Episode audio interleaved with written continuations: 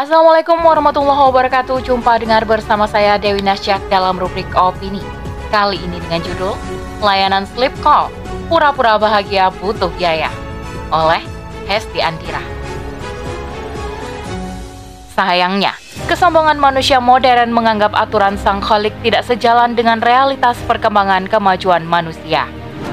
Alih-alih berpedoman pada syariat, manusia modern mencoba mengatasi permasalahan kehidupan dengan seperangkat aturan yang malah menghasilkan permasalahan baru. Selengkapnya, tetap di podcast Narasi Pos Media. Narasi Pos, cerdas dalam literasi media, bijak menangkap peristiwa kunci. Jasa layanan sleep call muncul dan berkembang di kalangan milenial. Kesibukan studi dan pekerjaan yang menyita waktu membuat sebagian orang kehilangan quality time untuk dihabiskan bersama teman atau orang terdekat. Akhirnya, sleep call dianggap sebagai pilihan terbaik untuk menjaga hubungan tetap hangat. Pada dasarnya, sleep call adalah aktivitas panggilan telepon sampai tertidur. Fenomena ini awalnya menjadi tren di kalangan pasangan kekasih yang menjadi LDR alias long distance relationship. Masalahnya muncul ketika seseorang tidak memiliki teman dekat ataupun kekasih, namun butuh teman curhat. Salah satu solusi praktis yang tersedia adalah menggunakan jasa layanan sleep call yang membantu mengatasi rasa kesepian meskipun berbayar. Dengan layanan ini, seseorang bisa berkeluh kesah atau sekedar berbincang ringan sekehendak hati. Rasanya seperti memiliki teman atau kekasih yang selalu menemani. Obrolan ringan lewat telepon tepat sebelum tidur dipercaya ampuh meningkatkan semangat untuk memulai aktivitas di esok hari. Jepang adalah salah satu negara dengan tingkat kesepian tertinggi di dunia. Dilansir dari merdeka.com, 31% rumah tangga di Jepang berisi satu individu saja.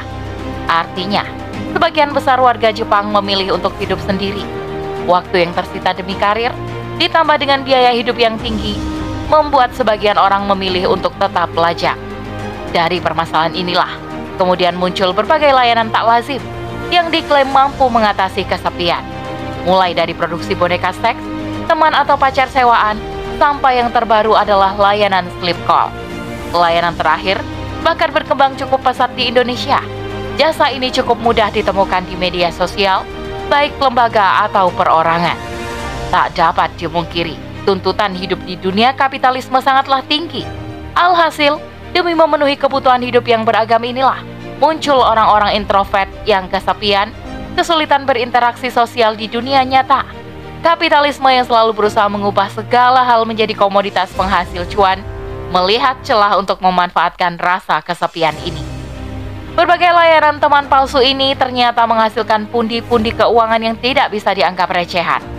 Sebut saja untuk layanan chatting, dikenakan biaya mulai dari Rp5.000 per 30 menit sampai Rp200.000 per 10 jam.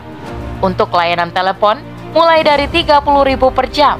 Biaya tertinggi dikenakan pada layanan pacar virtual berkisar antara Rp35.000 per hari sampai Rp850.000 untuk satu bulan.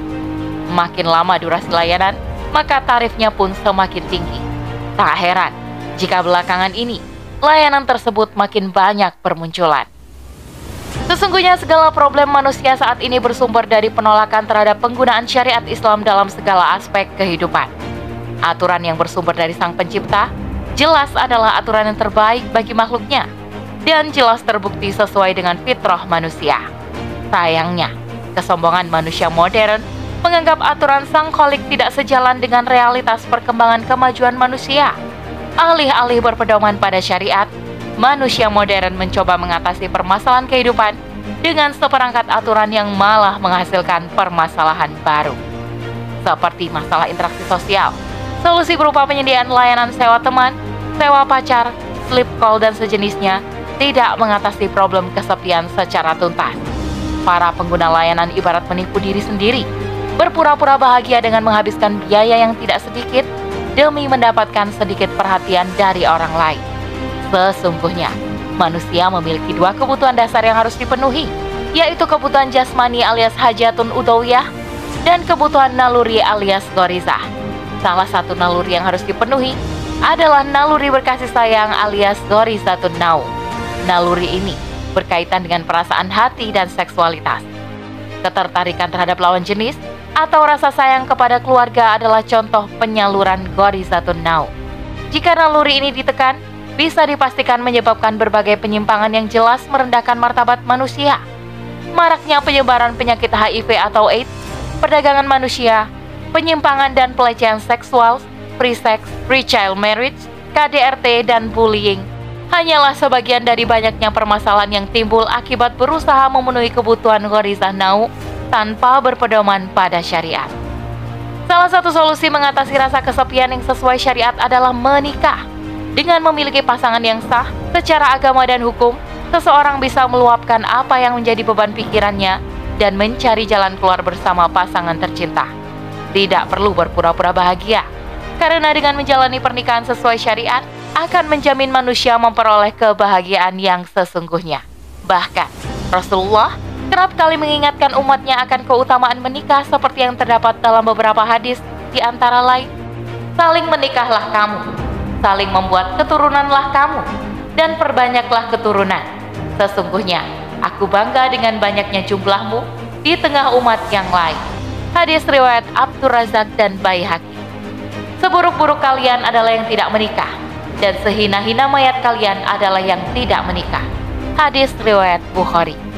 Di antara kamu semua yang paling buruk adalah yang hidup membujang, dan kematian kamu semua yang paling hina adalah kematian orang yang memilih hidup membujang. Hadis riwayat Abu Ya'la dan Tabrani. Pemisahan agama dari kehidupan adalah biang kerok segala permasalahan yang membelit umat dewasa ini. Mencoba memenuhi kebutuhan naluri hanya berdasarkan akal manusia semata, terbukti berpotensi menimbulkan masalah baru. Manusia diciptakan lengkap dengan Al-Quran dan Sunnah sebagai manual guidance book. Sejatinya, hanya syariat Islam yang menjawab tuntas seluruh permasalahan kehidupan. Wallahu a'lam bishawab. Demikian rubrik opini kali ini. Sampai bertemu di rubrik opini selanjutnya. Saya Dewi Nasya undur diri. Afu minkum. Wassalamualaikum warahmatullahi wabarakatuh.